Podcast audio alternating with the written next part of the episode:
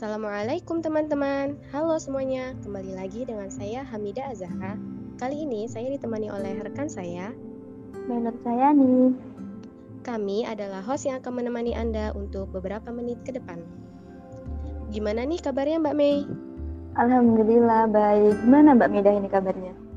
Alhamdulillah baik. Di zaman sekarang ini Mbak Mei sering kan mendengar atau melihat ke- langsung kejadian-kejadian amoral, kejahatan, penipuan, hingga kekerasan di masyarakat. Iya betul. Menurut Mbak Mei, penyebab terjadinya kejadian-kejadian seperti itu karena apa ya? Menurut saya itu disebabkan karena krisis akhlak. Jadi akhlak makin terkikis oleh ke- keegoisan dan membuat mereka itu menerabas batas-batas moral, etika, dan agama. Oke Mbak Mei, sebelum kita masuk ke pembahasan kali ini, apa sih arti dari akhlak itu sendiri Mbak? Ya baik. Jadi akhlak secara bahasa artinya budi pekerti atau tingkah laku.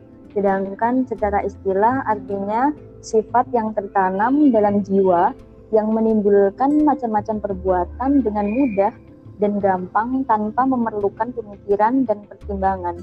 Jadi kita melakukannya secara spontan. Em, akhlak itu juga dibagi ada akhlak baik dan ada akhlak buruk.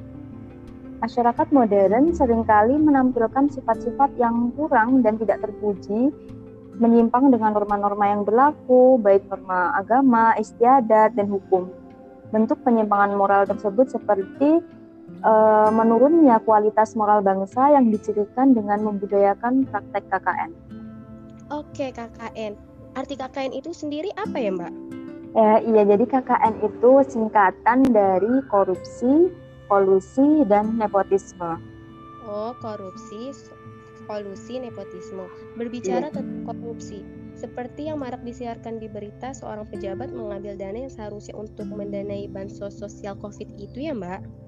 Ya, betul itu termasuk eh, tindakan amoral. Oke, berarti kejadian seperti ini karena krisisnya moral yang memiliki banyak penyebab ya Mbak. Empat poin terpenting di antaranya. Yang pertama, terjadi karena longgarnya pegangan terhadap agama. Terus yang kedua, terjadi karena pembinaan moral yang dilakukan oleh orang tua, sekolah, dan masyarakat kurang efektif. Kemudian yang ketiga, terjadi disebabkan karena derasnya arus budaya hidup materialistis, hedonistis, dan sekularistis. Dan yang terakhir, terjadi karena belum adanya kemauan yang sungguh-sungguh dari pihak pemerintah untuk melakukan pembinaan akhlak. Kalau menurut pandangan Mbak Mei gimana nih? Solusi apa saja sih yang dapat mengatasi krisis moral itu? Ya, jadi sekarang kita membahas tentang krisis moral.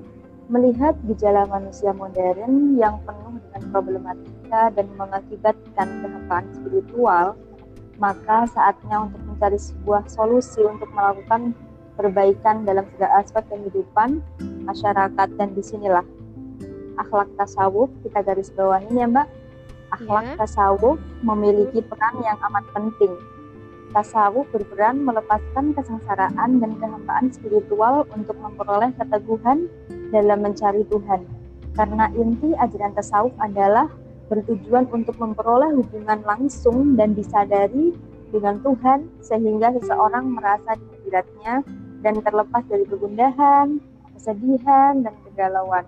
Adapun ajaran tasawuf yang paling dasar yang dapat dijadikan sebuah solusi dalam mengatasi problematika kehidupan masyarakat modern yaitu dengan mengadakan introspeksi diri atau dalam bahasa tasawuf dikenal dengan muhasabah terhadap diri sendiri gitu mbak. Oke, baik Mbak. Sampai di sini kita semakin sadar ya Mbak betapa pentingnya akhlak yang baik kepada sesama, terlebih di tengah masyarakat yang perular seperti di Indonesia ini, di mana budi pekerti atau akhlak mulia adalah hal mendasar yang harus dimiliki setiap individu atau kelompok, terutama nih untuk pemimpin yang harus memiliki akhlak serta prinsip yang baik. Iya benar. Dengan menerapkan ajaran tasawuf secara proporsional dan menerapkan prinsip-prinsip moral Islam, maka akan terwujud kepribadian manusia utama yang mampu menjadi warga masyarakat dan bangsa yang baik dan bermanfaat. Oke, kesimpulan dari semua yang kita bahas adalah pentingnya akhlak mulia di zaman sekarang ini di mana ketika akhlak mulia semakin langka yang muncul di masyarakat adalah perselisihan, kejahatan, dan kekerasan yang merajalela. Pesan saya untuk kalian para pendengar, jadilah seseorang yang selalu menghargai perbedaan, toleran, dan memandang orang lain dengan pendekatan kasih sayang. Dan ketika kalian mencari dunia, tetap beraktivitas di berbagai aspek kehidupan sesuai dengan nilai-nilai ketuhanan dan bukan sebaliknya larut dalam pengaruh keduniaan dan kemewahan. Oke, sekian dari kami. Terima kasih Mbak Mei. Ya, terima kasih juga Mbak Mida. Ya, dan untuk kalian para pendengar, terima kasih. Semoga bermanfaat. Wassalamualaikum warahmatullahi wabarakatuh.